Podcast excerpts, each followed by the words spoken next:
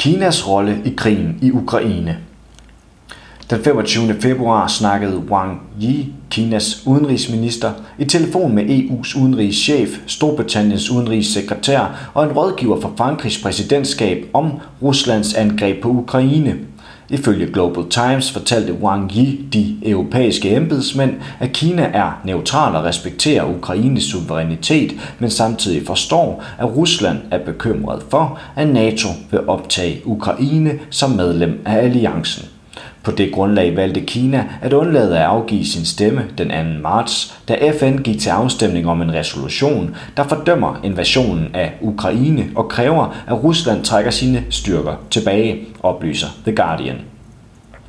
Li Seng, dansk-kinesisk professor i internationale forhold og udviklingsstudier ved Aalborg Universitet, vurderer, at Kinas standpunkt på konflikten mellem Rusland og Ukraine bunder i en strategi, der skal fremme en ny arkitektur for sikkerhed i verden.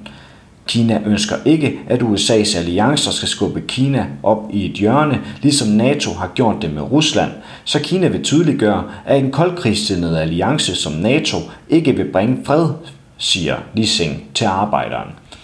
Samtidig vil den kinesiske regering minde vestlige lande om, at når de kæmper for Ukraines suverænitet over for Rusland, bør de også respektere Kinas suverænitet på spørgsmålet om Taiwan, fortsætter han. Ifølge det Nationale Sikkerhedsarkiv i USA viser dokumenter fra 1990'erne, at USA's daværende statssekretær James Baker lovede Michael Gorbachev, der dengang var leder af Sovjetunionen, at NATO ikke ville udvide alliancen ved at optage central- og østeuropæiske lande. Men siden 1990 er 14 lande i Central- og Østeuropa, inklusiv Ruslands nabolande, Estland, Letland, Litauen og Polen, alligevel blevet medlemmer af NATO og ved NATO-topmødet i Bruxelles i 2021 fastslog medlemslandene, at Ukraine ligeledes vil blive en del af NATO i fremtiden. Fordi NATO-alliancen, der anføres af USA, blev dannet og udvidet for at kunne bekæmpe Sovjetunionen og senere Rusland, forstår Kina godt, at Rusland er bekymret, fortæller Li Xing. I modsætning til vestlige lande fokuserer Kina på den historiske evolution af konflikten og hvad der har forårsaget krigen, på den måde har Kina en mere balanceret tilgang, der hverken fordømmer den ene eller anden side.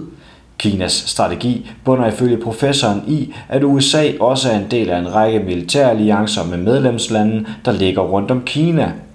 Det gælder blandt andet Quad med Australien, Japan og Indien, FPDA med Australien, New Zealand, Singapore, Malaysia og Storbritannien, AUKUS med Australien, Storbritannien, og Five Eyes med Australien, New Zealand, Storbritannien og Canada. Krigen mellem Rusland og Ukraine giver Kina chancen for at understrege behovet for en ny form for sikkerhedsarkitektur, der modsætter sig USA's militære alliancer.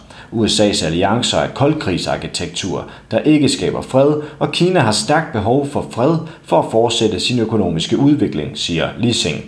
Professoren tilføjer, at Kina ikke længere vil bukke under for vestens dominans Kina nægter at lade Vesten definere, hvilken verdensorden, der er reelt baseret, hvilke lande, der er demokratiske eller autoritære, samt hvilke firmaer, der er gode eller dårlige.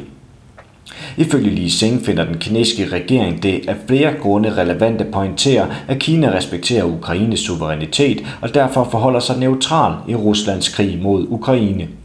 Ved at fokusere på Ukraines suverænitet stikker Kina til USA og Vesten, der jo har invaderet lande som Irak, Syrien, Libyen og Afghanistan, hvilket strider mod disse landes suverænitet, forklarer professoren og fortsætter. Kina stiller altså spørgsmål ved, om Vesten overhovedet selv har respekt for andre landes suverænitet.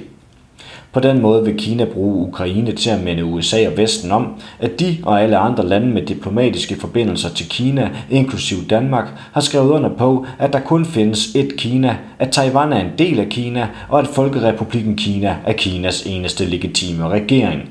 Så selvom alle vestlige lande ifølge Li Xing støtter Taiwan på den ene eller den anden måde, vil Kina pointere, at Vesten ikke skal blande sig den dag, hvor Kina vil genforene sig med Taiwan.